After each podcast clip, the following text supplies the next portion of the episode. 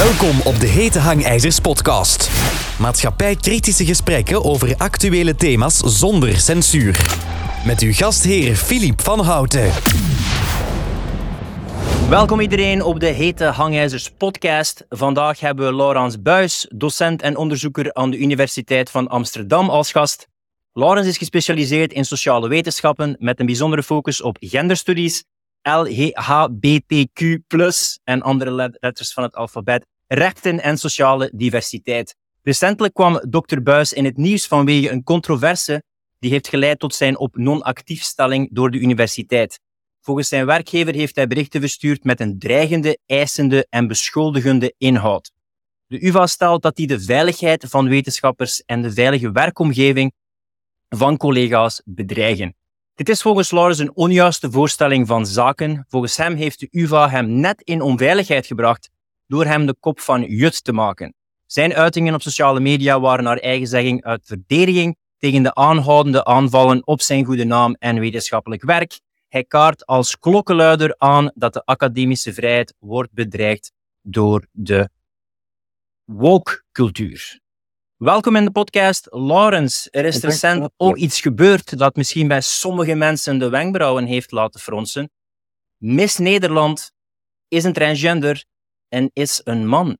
Mhm. Hoe is het zover kunnen komen dat op een misverkiezing een man verkozen wordt als mooiste vrouw van Nederland? Nou, dat is dus. eh, de, eh, de, de vraag is natuurlijk: wat is een man? Daar gaat het natuurlijk op dit moment de discussie over. Wat is een man en wat is een vrouw? Zij is een transvrouw. We hebben dus, eh, ik denk dat de discussie op dit moment gaat in eh, Nederland, maar ook in de wereld, over zijn transvrouwen echte vrouwen of niet? En daar wordt verschillend over gedacht. Ik ben zelf eh, voorstander van ook de emancipatie van transgenders. Ik weet dat dat bestaat. Mensen die in een verkeerd lichaam geboren worden. En waarvoor eigenlijk de enige behandeling is om een geslachtsverandering te ondergaan. Maar wat we op dit moment zien is dat die transbeweging radicaliseert. Steeds absurdere eisen stelt. En dat een hoop mensen instromen in die transcategorie. Die daar eigenlijk helemaal niet in thuis horen. Dus er is een soort van vervuiling van die categorie aan de gang. En op die manier zijn er eigenlijk ook niet echte transgenders die wel claimen dat ze transgender zijn en die mee gaan doen met vrouwensporten, vrouwenwedstrijden, eh, in, in vrouwenruimtes binnendringen, zoals toiletten, kleedkamers. En daar is veel over te doen. En ook in Nederland zijn er ook feministen heel erg bezorgd over. Dat snap ik heel goed. Eh, deze eh, dame die heeft meegedaan, deze transvrouw die heeft meegedaan met die misverkiezing. Ik, ik, ik- heb dat, ik kan dat zelf natuurlijk niet beoordelen op basis van eh, alleen maar wat ik via de media van iemand meekrijg. Maar het lijkt mij wel een echte transvrouw. Hè, iemand die echt in het verkeerde lichaam geboren is. Maar de vraag is natuurlijk wel van eh, laten we transgender vrouwen meedoen aan sporten, aan wedstrijden ik snap ook heel goed dat mensen daar moeite mee hebben.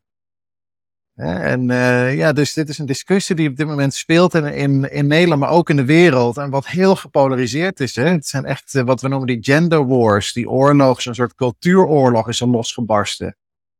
En dat is, het polariseert heel erg daaromheen. En dat vind ik vooral zorgelijk. Ja, het, het, het grappige is dat wij allebei socioloog zijn. Je bent één jaar ouder, ouder dan mij, dus we zijn eh, ongeveer eh, socioloog geworden rond dezelfde tijd.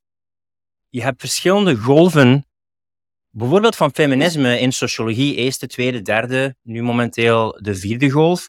Dus dat ging vooral rond gelijke rechten en eh, dezelfde kansen krijgen.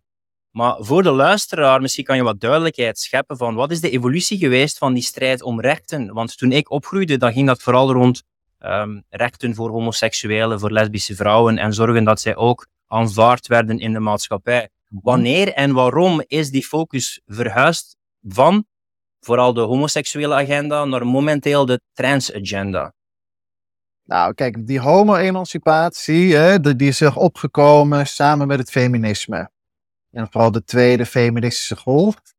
Dus we hebben toen in, in Amsterdam, hadden we in de jaren 60 en eh, vooral begin jaren 70, echt noemen die seksuele revolutie. Die ging mee met feminisme.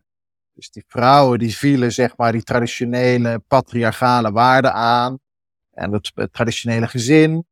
En uh, de man als kostwinnaar en als vanzelfsprekende machthebber. Nou, en daar ontstond een opening. En daar zijn dus ook homo's en lesbiennes en biseksuelen en transgenders eigenlijk mee in die, in die activistische strijd gegaan. En hebben ook ruimte gevraagd. Nou, kijk, die homobeweging die was altijd al, die ging altijd al niet alleen over seksualiteit, maar ook over gender. De homobeweging, die hebben altijd toch ook mannelijkheid en vrouwelijkheid uitgedaagd. Wat is een man, wat is een vrouw? Er zijn natuurlijk veel vrouwelijke homomannen, veel mannelijke lesbische vrouwen. Dus met de emancipatie van die homo's en lesbiennes kwam ook wel meteen dat vraagstuk van, uh, oké, maar wat is dan eigenlijk echt mannelijk en echt vrouwelijk? Dus dat is, zit eigenlijk al een beetje wel in het DNA van de homobeweging. Maar wat we eigenlijk hebben gezien is dat, zeg maar, eigenlijk toch wel een beetje vanuit het nieuwe ideeën die zijn ontstaan in de sociologie. En dan moet je vooral denken vanaf de jaren negentig is eigenlijk daar toch heel erg wat we noemen postmodernistisch gedachtegoed in zwang geraakt. Over um, bijvoorbeeld het werk van Judith Butler, de beroemde filosoof, zelf een lesbische vrouw. Ze noemt zichzelf helaas inmiddels non-binair. Ja, ik geloof daar niet in, maar zij gaat mee met die hype dat ze helemaal geen man of vrouw meer is. Maar in ieder geval heeft zij in de jaren negentig een heel beroemd boek geschreven, dat heet Gender Trouble. En dat is eigenlijk baanbrekend geweest in de sociologie. En zij heeft, het is eigenlijk een heel radicaal boek, wat wel een interessant punt maakt, maar wat ook doorslaat. En het boek, wat het interessante punt dat het boek maakt, is van eh, mannelijkheid en vrouwelijkheid zijn sociale constructen. En daar bedoelt ze heel specifiek mee, ze komen eigenlijk tot stand in sociaal gedrag. He, dus door als mensen zich als man gedragen, dan worden ze daar man van. En als mensen zich als vrouw gedragen, dan worden ze zich als daar vrouw van. Nou, en dat heeft ze op een heel filosofische, intellectuele manier uitgewerkt. Er zit heel veel diepgang in de argumentatie. Ze maakt een paar goede punten. Maar zij, het is natuurlijk absurd om, mannelijk, eh, om de man en de vrouw te reduceren tot sociaal gedrag er is ook nog iets als een lichaam en we hebben ook een biologie en er is evolutie geweest. En mensen zijn toch ook gewoon twee geslachtelijke wezens met andere hormonen, andere hersenen, andere geslachtsorganen, andere chromosomen. En dat is dat, dat verhaal van dat biologische verhaal en wat er eigenlijk niet gemaakt is aan geslacht, maar wat er gegeven is aan geslacht.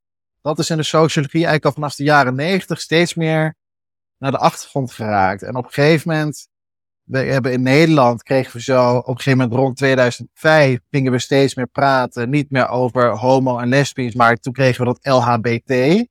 Voor het eerst dat we die afkorting kregen, dat was toen nog met vier letters. Toen kwam dus die transgender erbij. Toen hadden we ook een paar keer op tv in Nederland de eerste transgender vrouw, de eerste transgender man kwamen uit de kast. En die vertelde van dat verhaal van het verkeerde lichaam geboren. En toen kwam dat besef van, oh, dat kan ook nog.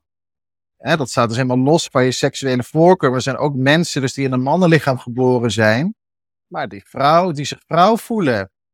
Nou, en toen kwamen er onderzoeken naar. En toen bleek dat we bij sommige mensen konden zien van, oh, daar is eigenlijk al in de embryonale fase. Hebben dan bijvoorbeeld jongetjes met een jongenslichaam vrouwelijke hersenen gekregen, bijvoorbeeld konden we het ook echt zien van, oh, de hormonale invloed in de baarmoeder is daar eigenlijk een vrouw in het bewustzijn gekomen, terwijl het een mannenlichaam is. Dus we kwamen er wetenschappelijk achter dat dat ook wel kan. Nou, en toen kwam dus die emancipatie van LHBT. En toen kwam eigenlijk hè, ook steeds meer in Nederland en in Amerika. het begon natuurlijk allemaal vaak in de Verenigde Staten, dat idee van queer. En dat was eigenlijk het idee van, nou, die hokjes, die liggen eigenlijk allemaal niet zo vast. Homo en lesbisch en, en man en vrouw. Het is eigenlijk, toen kwam het idee van, het is eigenlijk allemaal fluïde.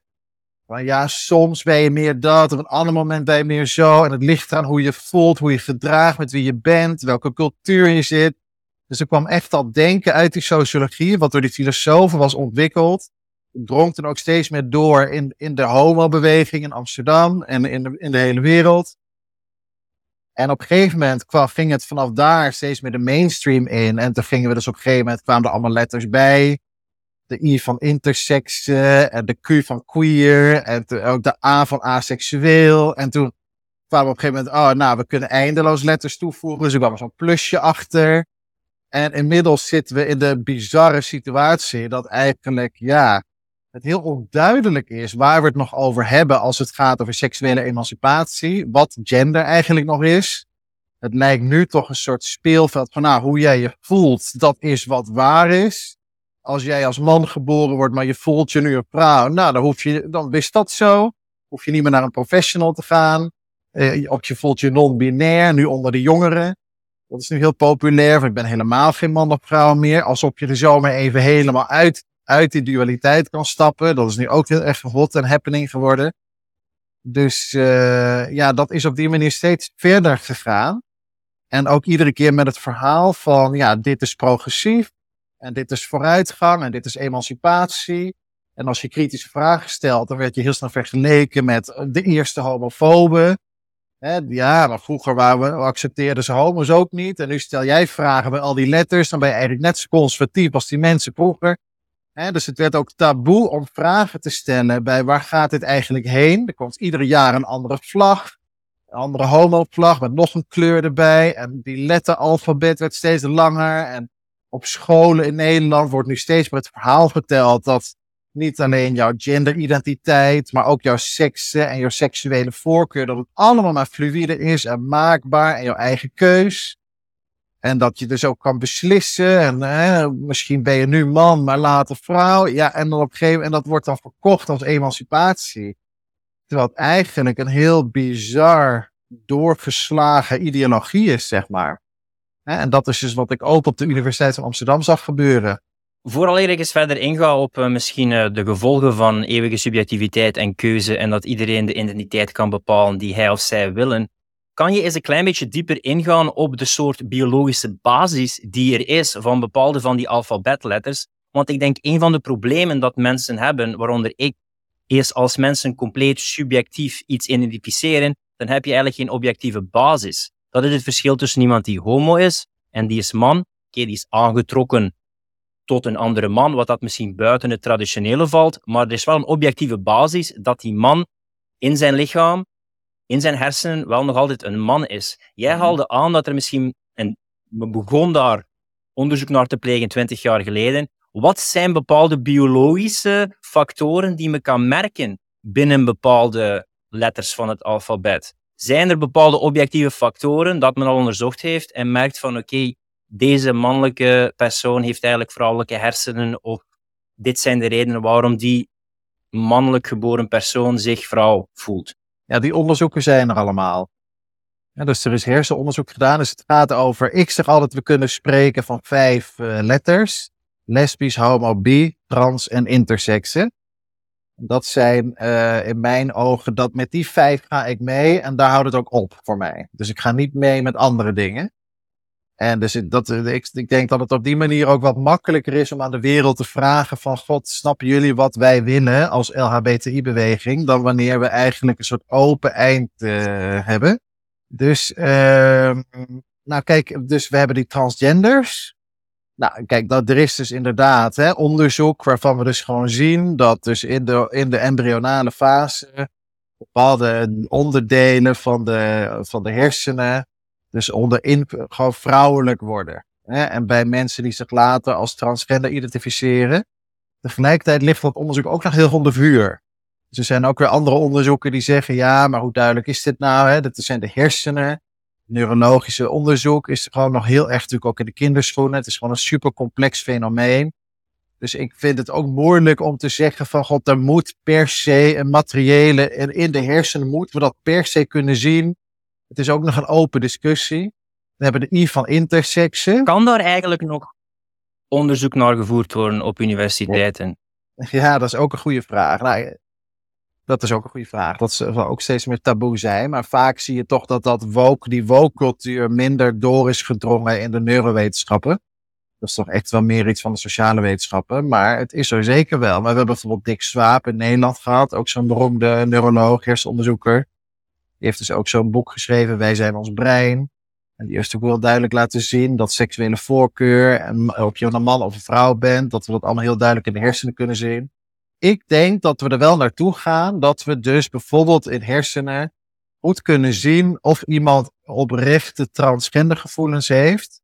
Of dat bijvoorbeeld iemand, hè, want je kunt ook om andere redenen het gevoel hebben dat je het verkeerde lichaam zit. Bijvoorbeeld onverwerkt trauma, of onderdrukte homoseksualiteit, of überhaupt een slecht ontwikkelde vrouwelijke kant, of een uh, moedercomplex, of zo zijn er een hoop uh, uh, ja, achterliggende problemen meer in de persoonlijkheid, die in het geval van transgenders beter kunt behandelen met psychotherapie dan met bijvoorbeeld geslachtsverandering. Dus daar moeten we veel zorgvuldiger gaan, uh, in mijn ogen, dat is mijn visie. We moeten daar veel zorgvuldiger aan diagnostiek gaan doen en het kaf van het koren gaan scheiden. En dat is wel heel moeilijk en taboe op dit moment, om daar ook op bij medici aandacht voor te vragen. Want er is nu toch wel een soort sfeer ontstaan van als jij vragen stelt bij de manier waarop een cliënt of een patiënt zichzelf identificeert, dan ben je eigenlijk conservatief en eigenlijk transfoob.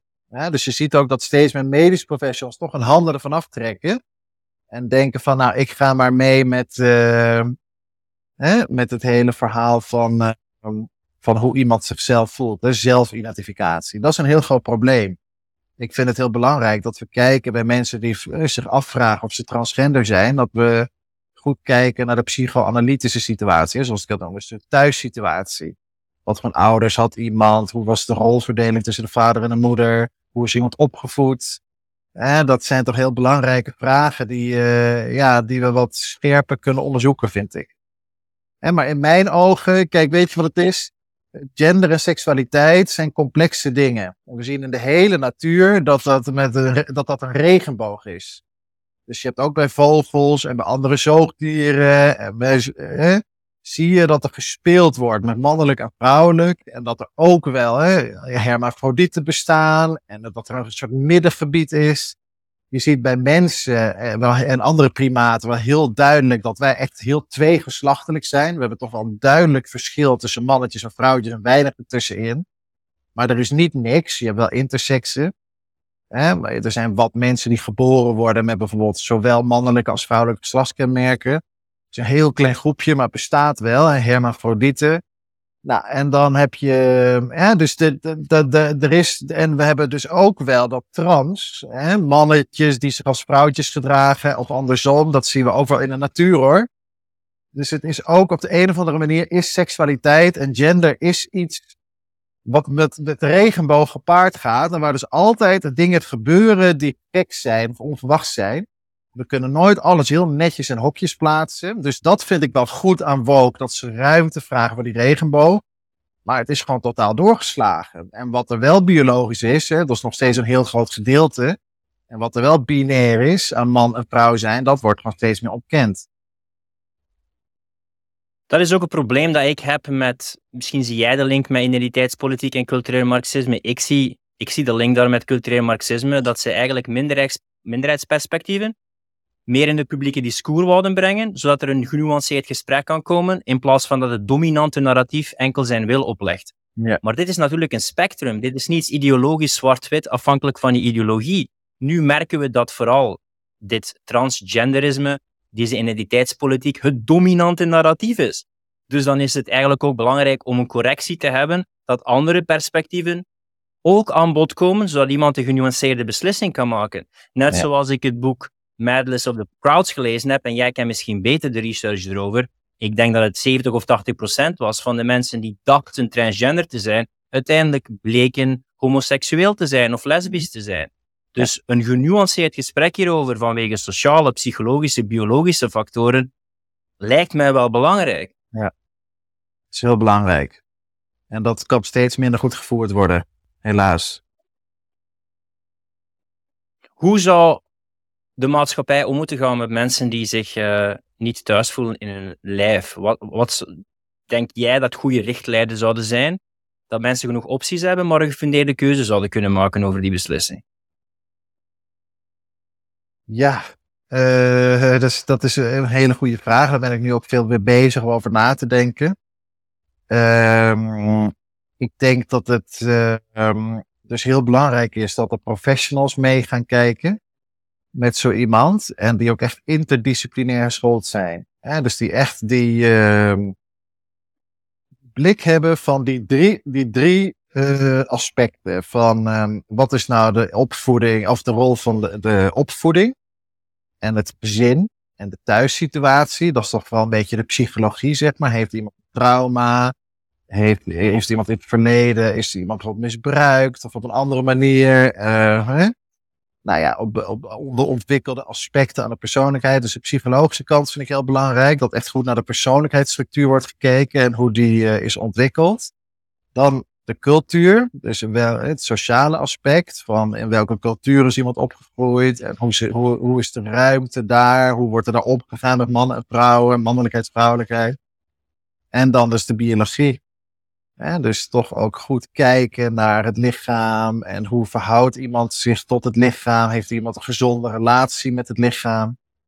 en ik denk dus dat, we, dat het niet zo moeilijk moet zijn om, uh, om uh, om, om op een gegeven moment toch wat meer die probleemgevallen, waarbij we niet zo goed weten hoe het zit. En dus ook die mensen die later, dus die detransitioners, hè, die later spijt krijgen en weer terug willen.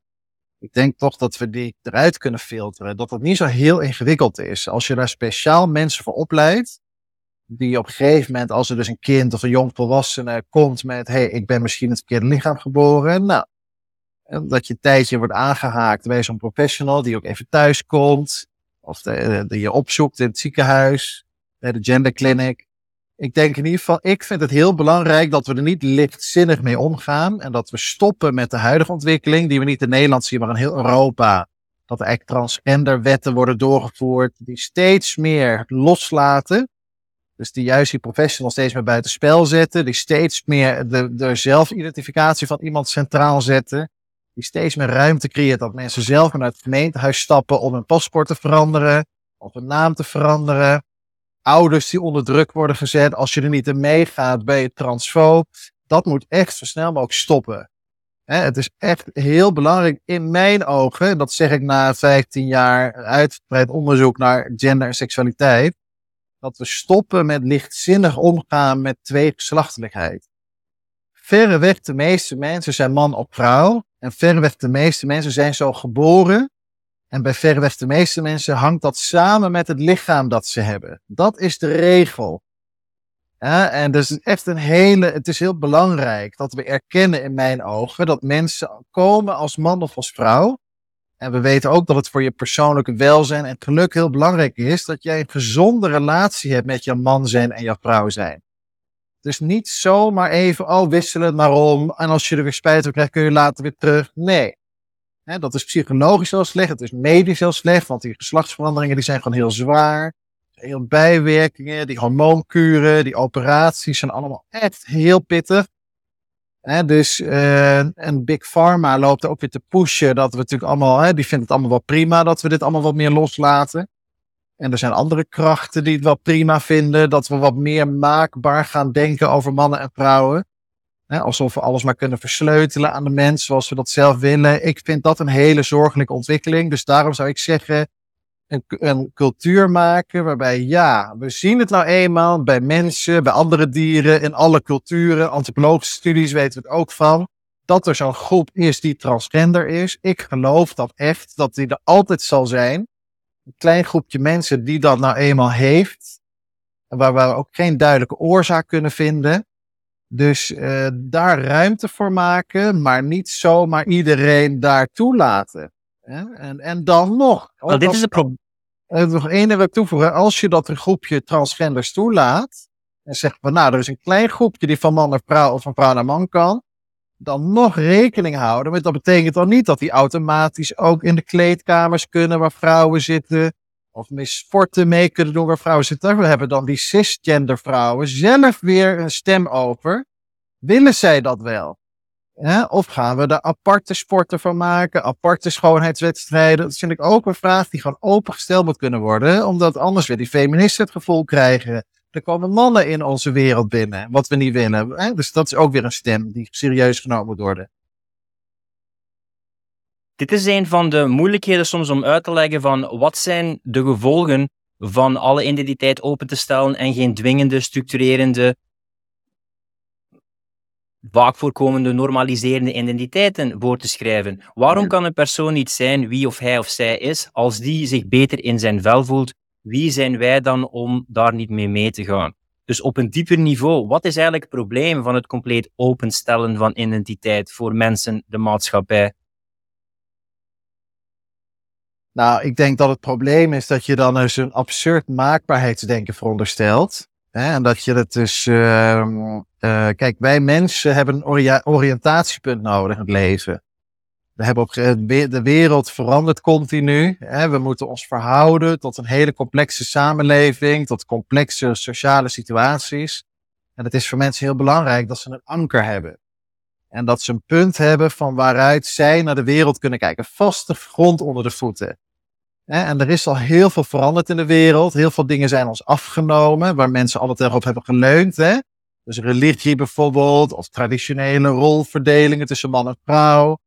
Of hè, het belang van de natiestaat en het nationalisme. Dat is allemaal heel veel veranderd. En eh, nu wordt dit ook nog weggenomen. Alsof je geen man of vrouw bent. Nou, dat is heel destabiliserend voor mensen. En het is voor hun eigen welzijn en hun eigen gevoel van, uh, ja, uh, zelfrespect, eigenwaarde, maar ook zingeving, toch heel belangrijk. Dat je dit gewoon, je bent een man, je bent een vrouw, je bent zo geboren. Daar heb je gewoon toe te verhouden.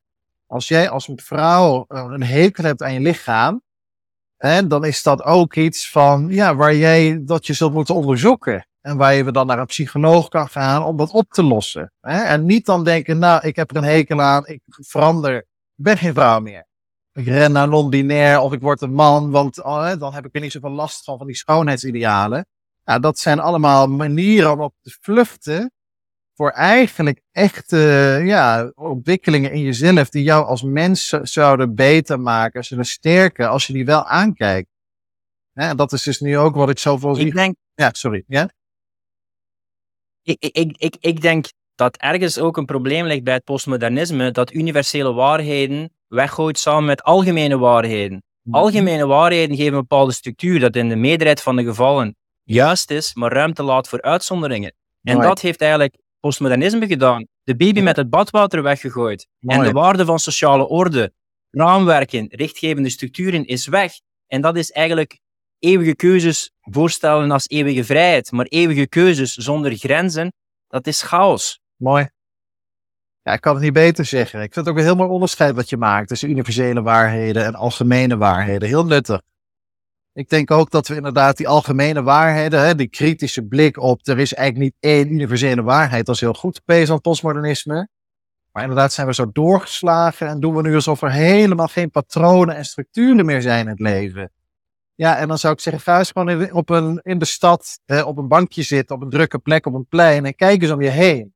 Hè, alsof je net hier geland bent uit een ufo en je kijkt voor het eerst naar de uh, mensheid op aarde. Dat is toch een van de eerste dingen die je opvalt. hey, sommige mensen zijn man, andere mensen zijn vrouw. En we kan toch heel snel zitten bij 99,9% van de mensen wie wie is. Nou, dat is dan een van die algemene waarheden. Nogmaals, er is altijd uitzonderingen weer op, maar die algemene waarheid, die is er. En dat is dus fijn om aan vast te houden. En ik ben het heel met je eens. Dat is, wordt nu weggegooid. Een van de dingen die ik ook eigenaardig vind, is dat we in een tijd leven van trust the science, trust de objectieve wetenschap op het wetenschapniveau. En op het individuele niveau zitten we meer en meer bij subjectiviteit. Ja. Dus een soort van stel geen vragen bij de objectieve wetenschap, want dat is juist, dat is de waarheid, dat is meetbaar. En op een individueel niveau zitten we meer en meer bij, ja, uh, subjectief kan je bepalen de werkelijkheid die je wil. Ja. Ja, dat is een hele gekke Een van de dingen, en ik ben benieuwd, ja, ik ben, ik ben benieuwd over een van de dingen dat ik denk. Ik denk dat transgenderisme een opstapje is naar transhumanisme. Ja. Waarom? Omdat als jij individueel kan bepalen, subjectief, voorbij biologie, wat je identiteit is en wie je wil zijn, waarom zou je daar stoppen? Waarom zou je niet digitaal al je identiteiten verkennen en altijd kiezen wie dat je wil zijn? Maar het probleem met altijd te moeten kiezen wie dat je wil zijn, is dat je nooit weet wie je bent. Ja. Dus zonder een ankerpunt, zonder een soort van sterkte gegrondheid, dan is het heel moeilijk om dingen te ontdekken. Dan blijf je vluchten, dan heb je geen ankerpunt. En daarom denk ik van ja, als je identiteit individueel kan bepalen en subjectiviteit zo belangrijk is met de metaverse en de digitale wereld, ja, dan kan je eigenlijk zijn wie je wil op elk moment en moet je ook kiezen wie je wil zijn. Wat ik denk voor de mens dat gewoon een enorme verlamming is. Dat is uh, kiespijn, keuzestress. Mooi. Nou, ik ben het heel met je eens, Philip. Echt, uh, ik vind het daarom ook wel belangrijk dat we een beetje met zo'n complothoedje naar die hele transgenderontwikkeling kijken. Hè, dus wat zijn nou de grote mondiale belangen achter deze gigaculturele oorlog die er woedt? Hè? Die lijkt toch ook te worden aangejaagd. Hè, hij komt natuurlijk altijd ook van onderop. Hè? En dus het is niet allemaal uh, bedacht, maar er lijken toch ook wel hè, belangen te zijn die willen dat er zo'n frontale aanval op, op seksen plaatsvindt. Hè?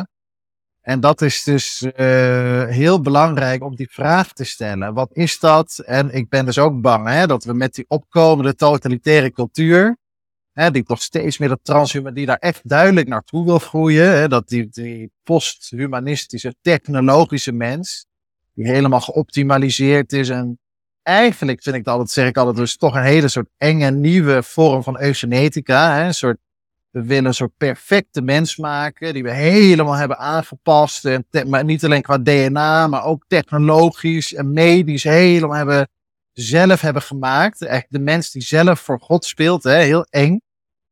En die agenda die is er. We weten gewoon heel goed dat er allerlei machthebbers op aarde dit soort gedachtegoed aanhangen. Niet alleen in Silicon Valley, maar ook in het militair-industrieel complex, ook in de overheden, hè, ook bij grote bedrijven, financiële instellingen. Dit gedachtegoed gaat rond. Er zijn een hoop machtige mensen in de ban van maakbaarheid en technologisch optimisme. Hè, die zien dat als oplossing voor alles. En ik ben ook een spiritueel mens die ook denkt van, maar wacht even, wij als mensen, het is heel mooi dat wij zoveel kunnen, zo ingenieus zijn en zoveel zelf kunnen maken aan ons leven. Maar we hebben ons ook te verhouden tot wat God ons heeft gegeven. En daar moeten we een balans in vinden. Hè? Dus we komen hier op aarde en we vinden dingen die gemaakt en gegeven zijn. En onderscheid tussen man en vrouw is daar één van.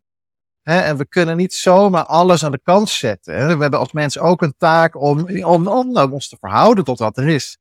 En je ziet dus dat dat, uh, dat, dat, dat, dat steeds maar onder druk komt te staan. Dat is heel eng. Ik ben benieuwd naar jouw hypothese erover. Want we zien dus in de woke-cultuur dat bepaalde films in Hollywood, uh, de sociale media-platformen, die agenda pushen. Maar wat merken we in functie van kapitalisme? Dat het niet echt aanslaat. Dus dat zijn grote kapitalistische bedrijven waarvan de meerderheid denkt van die willen vooral winst maken. Maar ze blijven investeren in deze woke-agenda. Wat zit daarachter als het hen op korte termijn niet echt onmiddellijk winst laat boeken? Ja, het is een goede vraag. Hè? Dus uh, ik denk toch... We merkten met de Black Ghostbusters, met de kleine zeemermin, met, er zijn enorm veel voorbeelden, zeker de laatste twee, drie jaar. Uh, met Budweiser onder andere, dat uh, een enorme slechte marketingcampagne is. En dat de mensen eigenlijk dat, uh, dat niet willen momenteel. Dus de vraag is dan, wat zit daarachter dan? Nou, kijk, ik denk dat, ik denk dat ehm, de weerstand tegen die woke-agenda wat groter is dan verwacht was. En ik denk ook hè, dat dat dus een soort van kink in de kabel is voor dit soort transhumanistische plannen. Dat er echt fundamenteel verzet komt van onderop. En dat dat toch ook wel gedragen wordt door uh, mensen met autoriteit, mensen met verstand van zaken.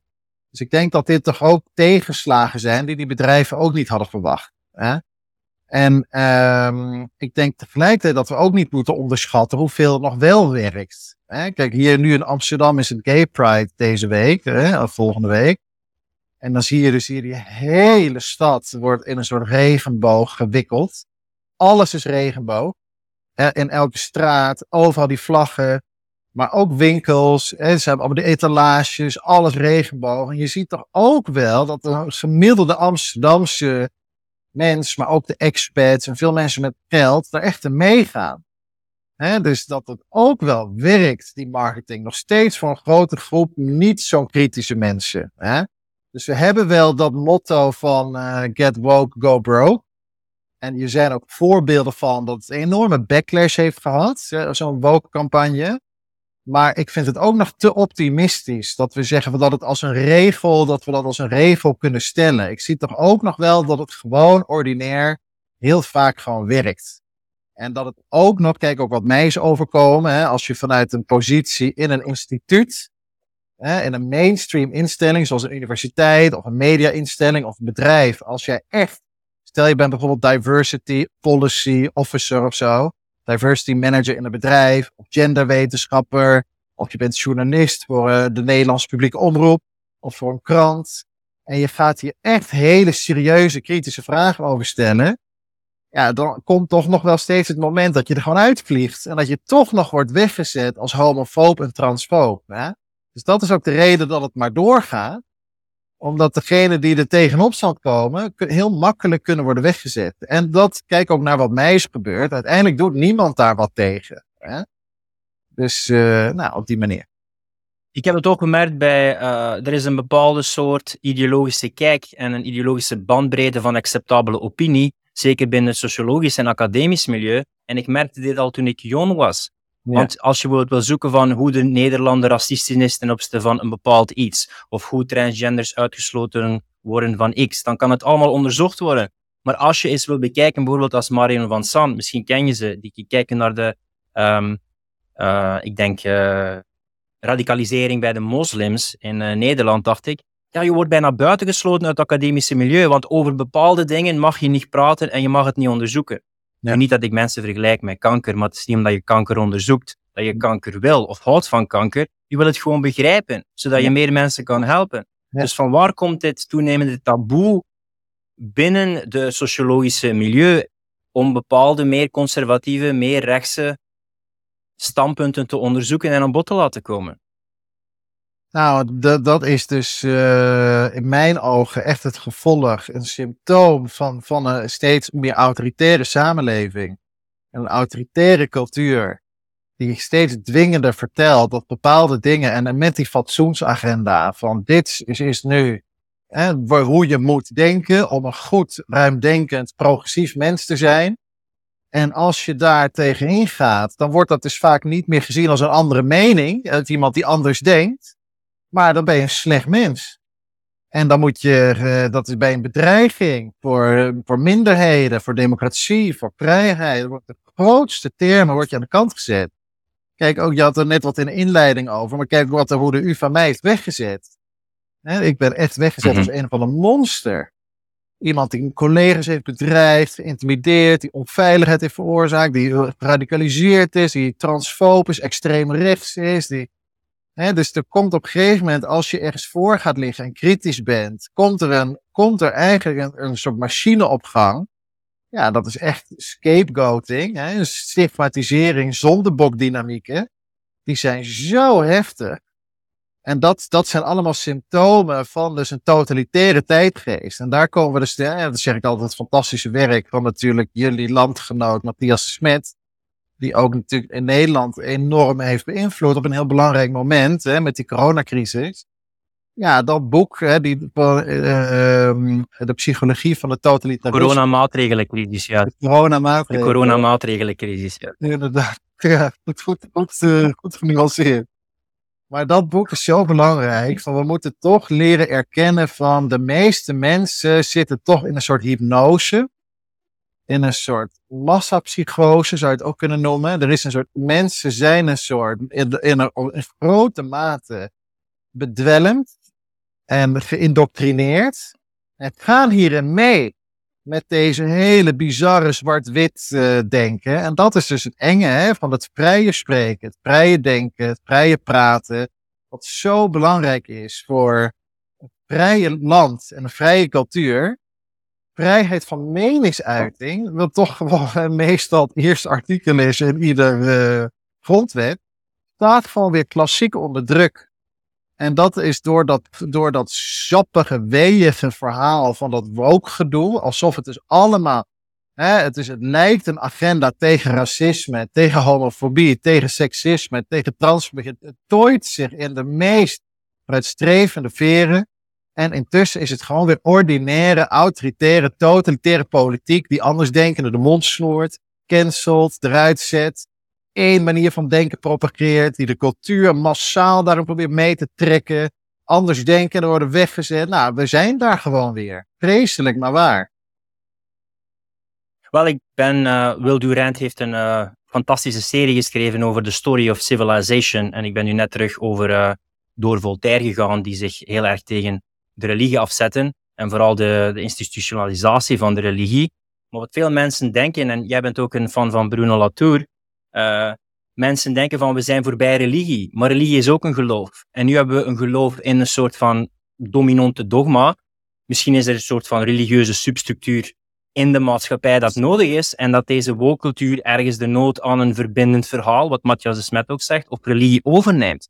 Want er zijn heel veel elementen gemeenschappelijk. Een vijand creëren, een soort van inquisitie tegen tegenstanders, een deugdmens zijn, de juiste waarden portretteren. Dat eigenlijk dit woke uh, cultuuragenda inneemt dat vroeger ingenomen werd door een religie. Hmm. Ja, heel mooi. Ik zie dat ook bij woke. Dat, dat een soort, het maakt een groep, het creëert het volk. en daarom is het zo belangrijk. Het, oh, eh, het is zo slim gedaan. Want na wat we hebben meegemaakt in Europa hè, met het nazisme. De enige manier waarop je vergelijkbare autoritaire politiek zou kunnen invoeren, is door het te verkleden nu als we zijn tegen antisemitisme, we zijn tegen discriminatie, we zijn tegen racisme, tegen homofobie. Alles wat het nazisme was, is nu, het is een soort anti-nazisme, maar in de kern hetzelfde. Hè? En dat is dus het, uh, het, de, schokkende constatering, vind ik. Het probleem dat ik vooral heb met die bewegingen is eh, dat ze ideologisch kiezen wie dat gelijk heeft en niet gelijk heeft. Dus je hebt het ook eens aangehaald, diversiteit wordt heel nauw gedefinieerd. Die diversiteit van alle meningen, alle ras, alle achtergrond, alle perspectieven. Nee, er is eerst een ideologische filter, vooral een linkse filter. Ja. En dan bekijkt men, oké, jij mag spreken. Dus hetzelfde dat men ook merkte bij van, we willen een vrouwelijke president. Oké, en dan heb je dus Marie Le Pen die kandidaat wil zijn. En dan is het uh, muisstil. Ja. Dus zie je, dan is ideologie nog belangrijker dan je principe. Eigenlijk ben je principeloos, want je past je principes enkel toe op basis van ideologie. Ja, dat is heel mooi gezegd. Dat zijn echt van die momenten dat het zo door de mand valt, hè? Ja, ik zeg inderdaad dit ook. Hè. Dat heb ik op de Universiteit van Amsterdam ook zo gezien. Hè, waar iedereen dan dus de mond vol heeft van diversiteit en inclusie. Terwijl er allerlei onderzoeken al jaren liet zien dat bijvoorbeeld studenten die in de klasse zitten, die kritisch zijn over klimaatverandering, of die misschien op, uh, vraagtekens hebben bij de demonisering van Poetin, bij ons in de lessen bij politicologie bijvoorbeeld. Of die uh, een bepaalde visie hebben op het Midden-Oosten, die niet, uh, de conflicten daar, die niet passen binnen de linkse, op, linkse dominante denken op de UvA. Of uh, kritisch zijn op de islam. Of studenten die kritisch zijn op dat hele genderideologie. We zien al jaren, weten we het onderzoeken, dat die niet durven te praten. Dat die zich onveilig voelen. Dat die ook zelfs in hun papers en in hun eigen onderzoek, in hun scripties, niet dit soort onderzoeksvragen durven op te pakken. Terwijl wel daar hun interesse ligt. Omdat ze bang zijn dat ze bij een docent geen voldoende kunnen halen als ze dit soort onderwerpen op, oppakken. Nou, dat zou je eens moeten omdraaien. Dat, dat je niet naar jouw docent een, een scriptie durft te schrijven over het slavernijverleden, omdat je bang bent dat je dan een slecht cijfer krijgt. En het gebeurt dus echt structureel elke dag op zo'n universiteit. We weten het al jaren. We zetten diversiteitsbeleid op, maar niemand heeft het over de inclusie van deze andersdenkenden. En dat is dus zo schokkend dat we dus uh, ja, zo eenzijdig ideologisch al die principes invoeren. Dus daarom zeg ik ook altijd, ik ben helemaal niet tegen diversiteitsbeleid, heel belangrijk. Sociale veiligheid vind ik heel belangrijk, maar dan ook echt voor iedereen. Dus ook voor een complotwappie en ook voor een stemmer op Vlaanderen Belang of Forum voor Democratie of Marine Le Pen en ook een klimaatontkenner. Iedereen, dat is dan dus ook inclusie. Ja, en, en dat is nu iedere keer. Maar ik denk dat de situatie nu anders zijn.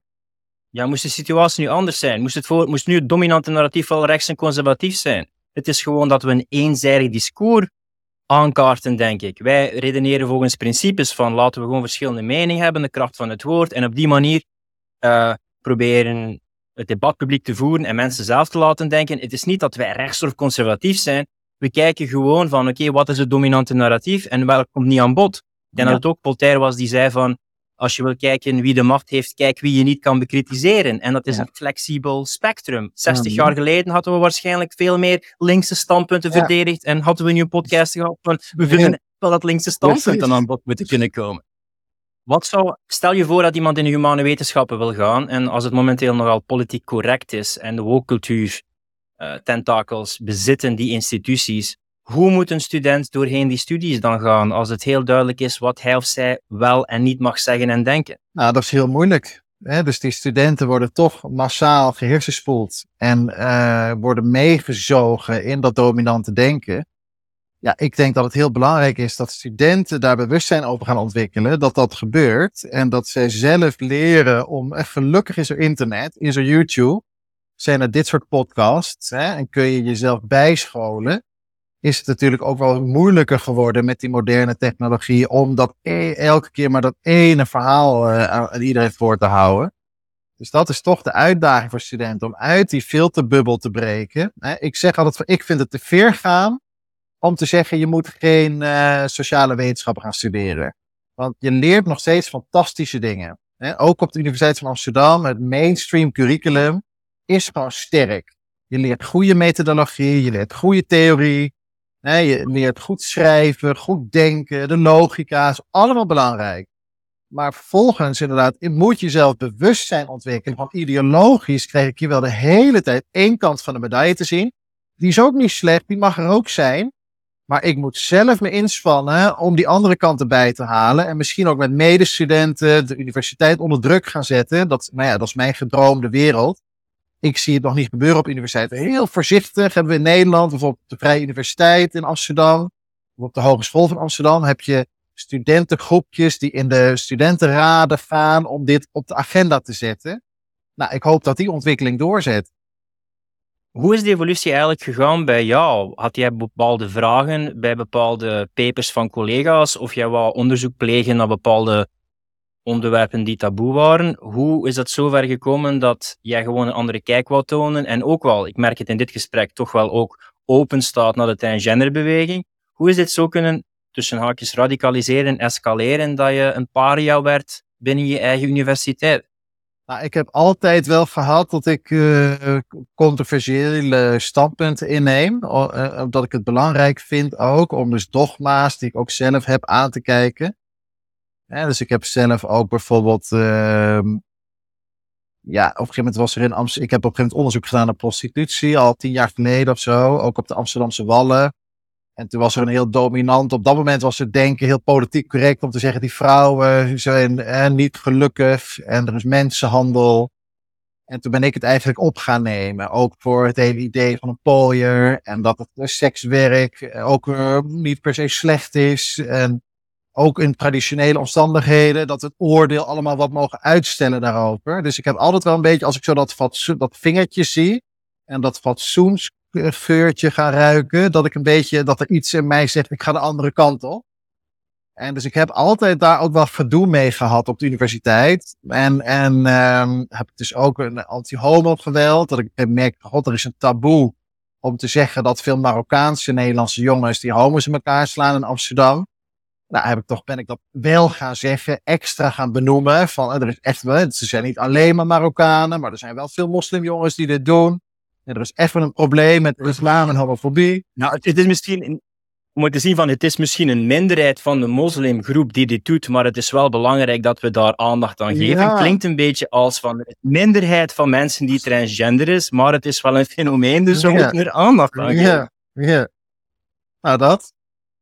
Dus ehm, ik heb, en op een gegeven moment, wat er bij mij wel, toen het corona was, was zo'n breekpunt. Hè, want toen, we, toen was ik, ik werd heel kritisch op die maatregelen.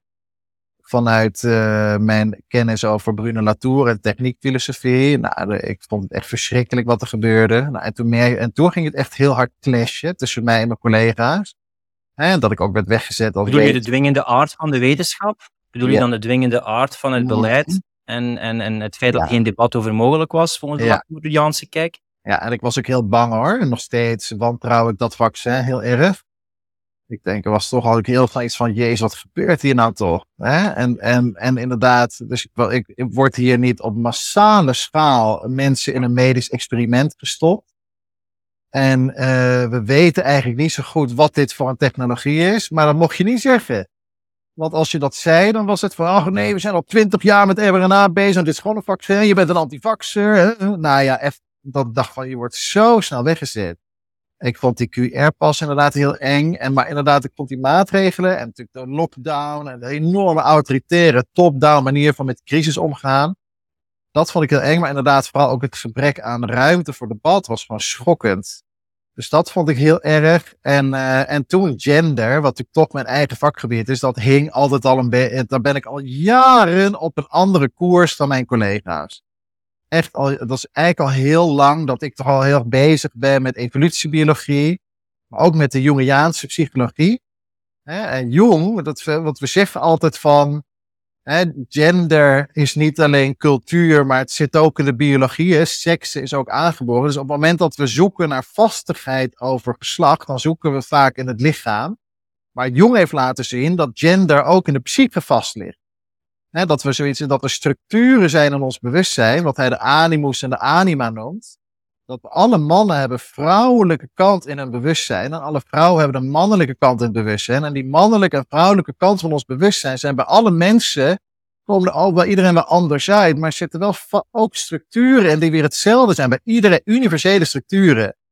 Dus dat in het Jungiaanse denken vond ik ook toch houvast om te zeggen, nou niet alles aan gender is gemaakt door mensen. Er zijn ook dingen gegeven.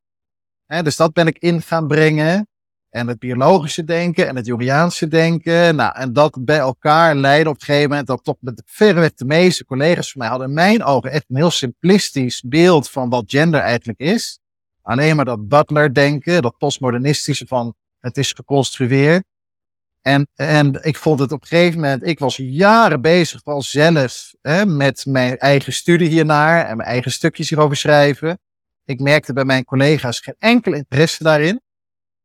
Um, maar wel oordelen over mijn standpunten. Dus ze deden niet hun best om zich in mijn denken te verdiepen, maar hadden wel oordelen over de conclusies van mijn denken. En, dat was op een gegeven moment iets wat mij ook zo boos heeft gemaakt de afgelopen tijd. Dat ik echt dacht van de arrogantie van veel collega's om mij weg te zetten. Terwijl ze geen enkel idee hebben van mijn denken en mijn argumentatie. En dat dat op een universiteit kan. Dat gewoon gepromoveerde collega's en hoogleraren op basis van ideologie mij kapot maken en wegzetten en zelfs de universiteit uitwerken op basis en niet op basis van inhoud, want er is geen inhoudelijk gesprek gevoerd. Nou, dat is echt schokkend. dus dat er allemaal bij elkaar heeft steeds maar een scheur gekomen. Je hebt die bekende meme dat uh, ze zeggen van uh, wie heeft jou geradicaliseerd? En dan fluistert de andere persoon in zijn oor, jij. Het is bijna zoals een overbeschermende ouder die tegen een kind zegt van blijf er vanaf, kom hier, je mag dat niet doen, zwijg. En dan ineens zegt het kind van, laat me met rust. En dan zegt de ouder van, ja, je, jij, jij overgreed wel erg, je bent wel erg agressief. Eigenlijk als een symptoom van de behandeling, maar dan gebruiken ze dat eigenlijk van, zie je wel hoe gewelddadig en agressief uh, ja. Lawrence is in dit geval. Nou, dat is het. Ik was echt tot een kookpunt, na jaren echt gekleineerd en geïntimideerd en geïsoleerd te worden. want ik had al functies verloren vanwege mijn standpunt over corona. En ik had eigenlijk hè, toch het uitzicht op gewoon een normale wetenschappelijke carrière door mijn standpunt over prostitutie en islam. Was ik gewoon in een isolement gekomen op de universiteit. En toen kwam dat hele genderverhaal, echt mijn grote trots. Hè, mijn, mijn, hoe ik dat biologische en Jungiaanse en sociologische denken over gender heb geïntegreerd. Dat werd ook gekleineerd. En toen werd ik aangevallen door studenten die mij homofoob en transfoob noemden. En die zeiden dat mijn werk verboden moest worden. Je bent homo, hè, trouwens. Zelf homo. Je bent zelf homo, Studenten hadden ook geen verstand van zaken. Studenten wisten helemaal niet wat ze zeiden. Ze wisten helemaal niet wie ik was. Maar deden toch een oproep tot mijn ontslag omdat ik homofoob zou zijn. Nou, en de universiteit deed niks. Toen heeft mijn eigen directeur afstand van mij genomen en mijn werk. Nou, en dat gebeurde allemaal in januari. En dat was een moment dat ik ben gewoon geflipt. Ik ben, er is echt iets in mij mhm. geknapt en ben echt zo boos geworden. Heb inderdaad ook in die boosheid mails naar collega's gestuurd, waarvan nu de rechter zegt dat had je niet moeten doen. En daar ben ik het ook mee eens. Ik heb ook een hoop geleerd van dat ik zelfs in die situatie, juist in die situaties, als in zo'n narcistisch, psychopathisch instituut helemaal in de hoek wordt gedreven, tot waanzin wordt gedreven, juist dan moet je rustig kunnen blijven. Want als je ontploft, dan hebben zij jou waar ze je willen hebben. Want dan kunnen ze zeggen, kijk, hij is het probleem. Dus ik heb ook, en dat is ook zo, ik moet ook leren om in die situaties tot tien te tellen. En dat wil ik ook, is ook gewoon helemaal mijn verantwoordelijkheid. Dus ik wil dat niet afschuiven op anderen. Ik heb niet perfect gehandeld. En ik snap dat mensen kritiek hebben op hoe ik mijn boosheid heb geuit. Ik heb echt een paar harde klappen uitgedeeld aan collega's hoor. Keiharde mails gestuurd. Mensen gewoon in hun gezicht ongecensureerd de waarheid gezegd. Ja, niet professioneel. Het lufte toen wel even op. Hè, van nu ben ik er klaar mee. En het, het, was op dat moment het beste wat ik kon doen. Dus ik neem mezelf niet kwalijk. Maar ik zou het in de toekomst wel anders doen. Dus dat zeg ik ook. Ik ben een hoger beroep. Hè. In mijn rechtszaak tegen de UvA. Dan ga ik dit ook netjes tegen de rechter zeggen. Ik wil niet weglopen voor de dingen die ik verkeerd heb gedaan. Maar het verhaal wat nu wordt geschetst. Dan, hè, er wordt alleen maar gekeken naar dat ik boos werd. En daardoor ben ik slecht. En niemand stelt de vraag. Maar waarom is de jongen tot waanzin gedreven? En wat is de rol van de UvA daarin? Ja, dat vind ik heel kwalijk. Ik denk op een diep menselijk niveau, een van de grootste trauma's is het gevoel hebben dat je niet toe doet. En een van de grootste gevoelens van er toe voelen dat je er niet toe doet, is niet gehoord worden. En voelen dat je mening er niet toe doet. Ja. Dus dit op een psychologisch niveau vergroot eigenlijk de situatie van je mening doet er niet toe, het is niet belangrijk, jij vertelt onzin. Ja. En ofwel laat je je schouders zakken en word je een slaaf, ofwel word je een rebel. Maar bij beide scenario's word je geleefd door iemand anders verhaal. Je wordt geconsumeerd door wat je consumeert. En dat vind ik ook het moeilijke aan deze tijd. Wat kunnen we zelf ontwikkelen als constructief positief verhaal? Want hmm. zelf als we ons verzetten tegen iets, dan is ons, dat is zoals die persoon die niet tegen een muur wil rijden. Als je blijft kijken naar die muur, dan knal je op die muur. Omdat je focus er ligt. Want je hmm. focus bepaalt voor een stukje perceptie en je perceptie bepaalt voor een stukje realiteit. Ja. Nou, ik, ik vind het dus heel belangrijk om voor mezelf, om steeds toch in herinnering te blijven houden, dat de meeste mensen uh, niet helemaal padje af zijn. En hoewel we allemaal toch gehersenspoeld zijn door die totalitaire tijdgeest, zijn de meeste mensen, is mijn stellige overtuiging, nog steeds wat te bereiken met argumenten. Als ze maar wel standvastig over lange tijd hetzelfde verhaal blijven vertellen. In dat geval van gender, wil ik echt, daar ben ik dus nu ook mee aan het werk. Ik heb een eigen website opgestart, gender-theory.org. En ben ik dus bezig om een netwerk van wetenschappers op te zetten die dat middenverhaal gaan vertellen. Van ja, oké, we hebben die doorgeslagen postmodernistische genderwetenschap, die doet alsof alles een eigen keuze is. En we hebben als reactie daarop mensen die zeggen, we moeten helemaal terug naar biologie en er is alleen maar XX en XY. Nou, wat is het midden? Wat zit daar voor een landschap? En hoe kunnen we inderdaad op zoek naar hoe moeten we nou omgaan met transgenders? Dat we ze wel erkennen als ze er echt zijn, maar dat we niet de sluizen openzetten voor iedere maloot die het in zijn hoofd gaat om van geslacht te veranderen. Dat soort vragen zijn te beantwoorden met rustige argumentatie, met verwijzen naar studies, met uh, gesprekken, met uh, uitwisselen van standpunten die ook soms spannend zijn, maar die we toch moeten doen het gesprek blijven voeren. En dat is ook, vind ik, zo mooi aan wat Matthias Smet doet. Ja, ik vind hem echt een hele grote inspiratie. Maar hij doet ook al continu een oproep dat we vrij moeten blijven spreken. En ik wil dus ook zeggen, we moeten echt dat debat blijven aangaan. Hè? En gewoon blijven praten met elkaar op zoek naar verbinding. Want die hele verdeel en heers, van aan de ene kant staat die radicale groep en aan de andere kant gaat die in de contramine, gaan we daar keihard tegen schoppen dat is de strategie die zij willen. de machthebbers, de corrupte macht, de, dit is klassieke divide and conquer, ja, verdeel en heers. Dus we zullen daaruit moeten en dat middengebied op moeten zoeken. En dat is denk ik wat we allemaal kunnen op het gebied van klimaat, op het gebied van gender, op het gebied van corona, op het gebied van Rusland, Oekraïne. Eh, eh, ja, we zijn ze te slim af als we op basis van dialoog hele grote, we hoeven het ook niet altijd eens te zijn met elkaar, ook een heel belangrijk punt. Hè, dat we meningsverschillen mogen hebben zonder dat we elkaar de tent uitvechten. Dat we elkaar mogen kwetsen zonder dat we elkaar dan nooit meer hoeven te zien.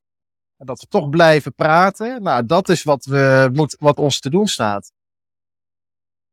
Ja, wat is de essentie van kennis? Ik noem de huidige, dat is mijn term, wetenschrappers.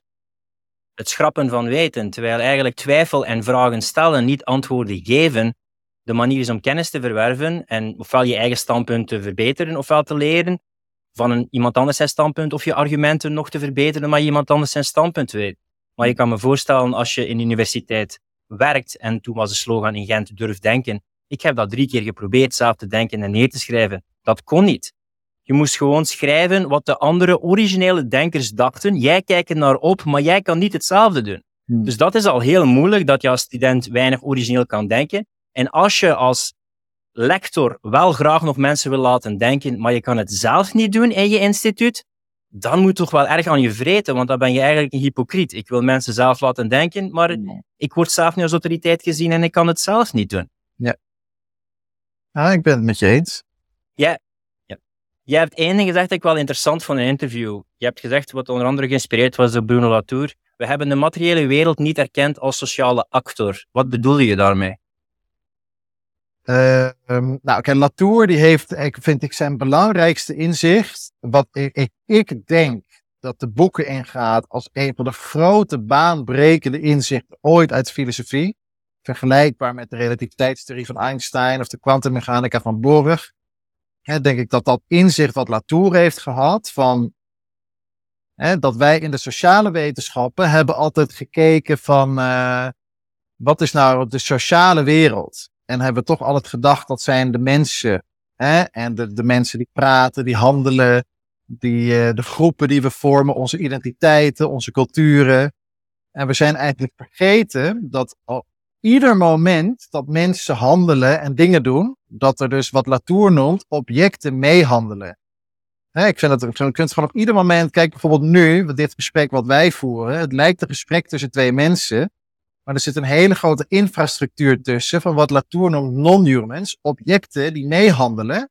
Ik zit op een stoel, en mijn stoel, ik zit voor een tafel, ik heb een laptop, daar komt natuurlijk een echt giga uh, non-human, hè, met het internet. En, dus er is een, enorme infrastructuur van materiële zaken die ieder moment meehandelt met wat mensen doen.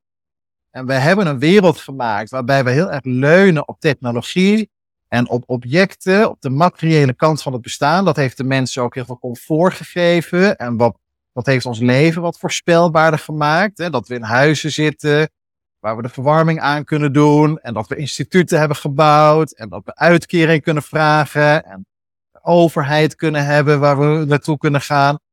En winkels. En allemaal fantastisch wat we om ons heen hebben gebouwd aan objecten. Maar we hebben niet goed erkend, zegt Latour, dat al die objecten sociaal meehandelen.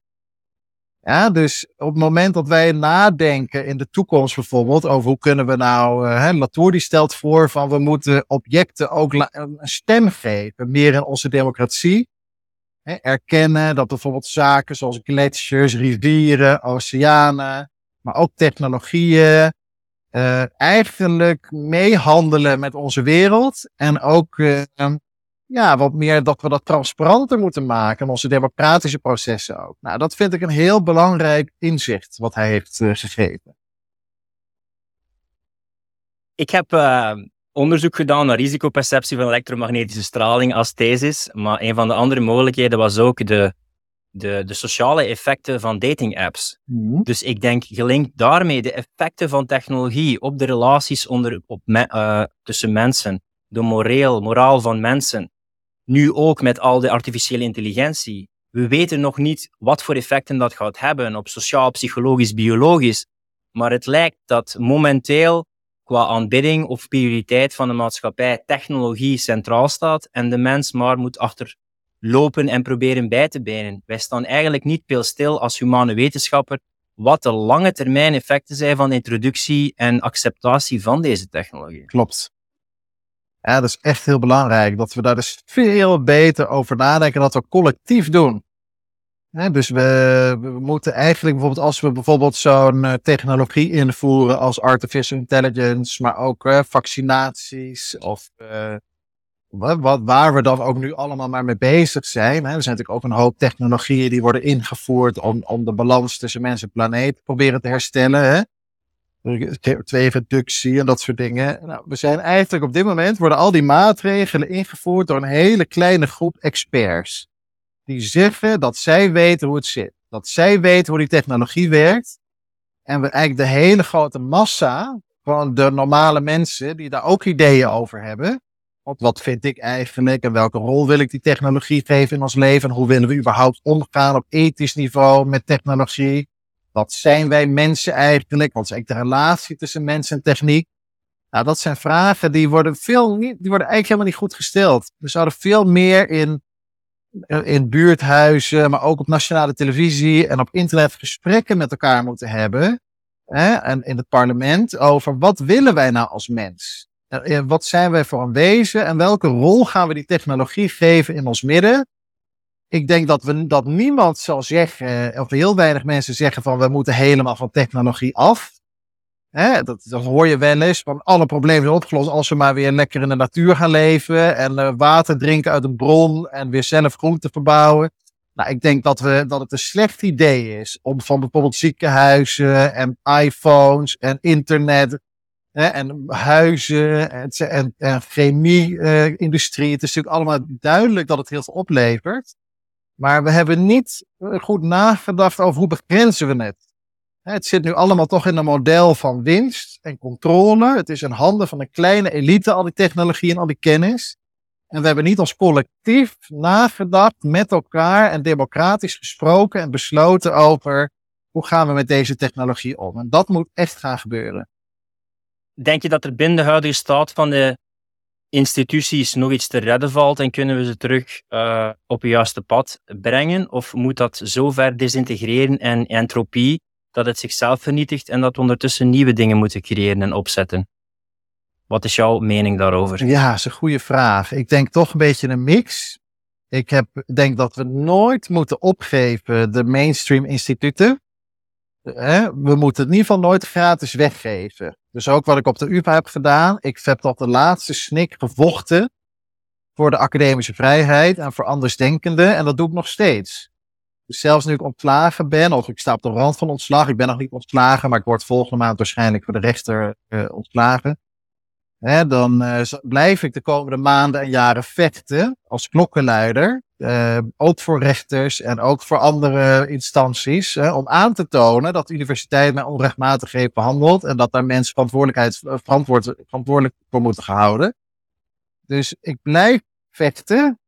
En ik denk dat we dat allemaal moeten doen. Maar uh, we moeten het niet opgeven. En niet op een presenteerblaadje zeggen van nou, ik geloof niet meer in de universiteit. Ik geloof niet meer in de mainstream media. Ik, alle, we gaan het maar allemaal zelf doen. Het is goed dat er alternatieven zijn. En dat we eigen universiteiten bouwen. Eigen scholen. Eigen mediaplatforms. Maar we moeten ook blijven vechten voor onze zorginstellingen, onze scholen, onze media. het is nog niet gestreden is nog niet gestreden. Er kan, het, het gaat heel slecht met de vrijheid in de westerse wereld en ook in Nederland. Maar ik heb ook op de Universiteit van Amsterdam gezien dat er hoog in de boom, ook nu nog, mensen zitten die net zoals jij en ik ook wel zien wat er aan de hand is in de wereld. Hè? Die wat we noemen wakker zijn. Die ook echt wel zien dat ik onrechtmatig ontslagen ben. Die ook echt wel zien dat autoritaire politiek om zich heen grijpt. Er zijn ook hoogleraren, ook directeuren, ook bestuurders, hoog in de boom, die dit allemaal zien, die het hier thuis over hebben, die zich zorgen maken. Ze durven alleen niet, zoals ik heb gedaan, zich echt uit te spreken. Want mensen hebben hypotheken, hebben kinderen, hebben gezinnen, zitten ook weer vast aan die structuren. Ik ben wat meer een cowboy, ik ben vrijgezel, ik heb geen grote lasten, ik heb een eigen bedrijf. Ik kon dit ook wat meer, het zit ook mijn persoonlijkheid, om lekker een beetje hup ervoor te gaan liggen. Dus eh, iedereen heeft zo zijn eigen rol, maar we moeten niet vergeten dat ook in de rechtspraak, ook in de media, ook universiteiten, ook in de overheid, overal zitten mensen die wakker zijn en die wachten op hun kans om het tijd te keren. Ja, en uh, nou ja, ik wilde zeggen, laten we niet opgeven ik merk ook bij veel mensen dat als ik dit nu spreek van Miss Nederland is een vrouw, dat mensen dat gewoon te ver willen gaan. En niet omdat ze anti zijn, maar zeggen van ja, dit gaat er wel een beetje over. Uh, onlangs was er een artikel op uh, de bekende mainstream media site in België. Heetste temperatuur in 12.000 jaar gemeten. En ik vroeg aan mijn pa van, ja, wat is er fout met deze ja. headline? Dus als je een klein beetje gezond verstand hebt, kan je wel over nadenken. Maar als je dus die woke cultuur merkt, of als je dus die um, je hebt ook lentekriebelsweek hebt in Nederland, dat je kinderen bepaalde principes leert over seksualiteit, dat ze waarschijnlijk veel te jong voor zijn. Wat kan je dan eigenlijk doen? Verenigen en proberen uit te spreken, een comité starten. Wat zijn praktische manieren? Ook hier, met Transgender Miss Nederland. Wat zijn dingen dat uh, de gewone Nederlander of Belg kan doen? Nou, ik wil dit, hè, dus zoek uh, medestanders op en laat van je horen. Dus ga, uh, als je ziet dat er voorlichting wordt gegeven over transgender op jouw basis, op de basisschool waar jouw kinderen zitten, vraag dan echt direct een gesprek aan met de directie of ga naar de ouderraad of, en laat je niet wegzetten als een conservatieve, extreemrechtse transfoob, maar laat zien dat, er, oh, dat je mensen van links tot rechts en van religieus tot seculier ook zorgen hebben. Dus zorg dat je een diverse groep bent die uh, zoek elkaar op en blijf klagen, om het zo maar te zeggen, over ontwikkelingen waar jij je zorgen over maakt. Het is echt, we kunnen allemaal een beetje zo die heldhaftige rol spelen in het verzet, zeg maar. Dat kan iedereen doen. Door heel in het klein, in de zwemvereniging, in de voetbalvereniging, op school, op je werk, uh, in je familie, op verjaardagen, toch iedere keer weer het gesprek aan te gaan. Hè, om het narratief te breken. Als je hoort dat iemand praat over die domme antivaxers die zich tijdens corona niet laten vaccineren, laten vaccineren, stap in en zeg: Dit kun je niet zo zeggen. Er zijn goede redenen geweest om je niet te laten vaccineren. Je kunt die groep niet in één keer wegzetten. We moeten hier veel meer over praten. Ja, dus, en op al die manieren over gender, over klimaat. Klimaat is een van mijn grote zorgen, hè, want dat is echt een hele enge religie die CO2-religie en dat, dat klimaatalarmisme. Hè, en daar ligt ook heel het risico dat we in het verzet gaan en het helemaal gaan ontkennen. Van er is helemaal geen klimaatverandering. Nou, dat is er natuurlijk duidelijk wel. Dus om daar het middengebied te vinden, dat is heel moeilijk. Zeker omdat die klimaatreligie heeft zoveel wetenschap achter zich. Die wetenschap heeft zich zo laten voor dat karretje van die, van die ideologie laten spannen. Dus dat wordt heel zwaar hè, om dat te keren, dat narratief. Maar ook daar zullen we samen moeten opstaan. En toch hè, onze kinderen, onze familieleden, onze vrienden blijven confronteren met andere perspectieven. En iedere keer toch uitdagen dat dat dus klimaatontkenners zijn, of dat die fout zijn, of dat die antiwetenschappelijk zijn, of complotdenkers zijn. Nee, er zijn gewoon heel veel goede redenen voor ieder weldenkend mens om praten te hebben bij, zo'n beetje alle dominante narratieven die er op dit moment zijn. Als mensen meer willen weten over jouw werk en kijken naar jouw kijk en hoe dat jij zorgt dat jij jouw stem laat horen, waar kunnen ze meer uh, vinden over het werk dat jij doet en uh, de provocatieve posts dat je maakt? Ja, ik heb een uh, website, laurensbuis.org laurensbuis.org. Dus B-U lange E-S.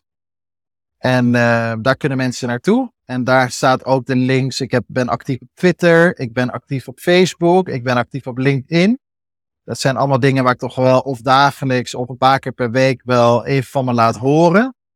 En ik heb dus ook op mijn website dus waar alles samenkomt. Daar heb ik ook een blog. En daar uh, vind je ook mijn werk, mijn wetenschappelijke werk over gender. Mijn wetenschappelijke werk over corona. Um, en mijn wetenschappelijk werk over Bruno Latour, de techniekfilosofie.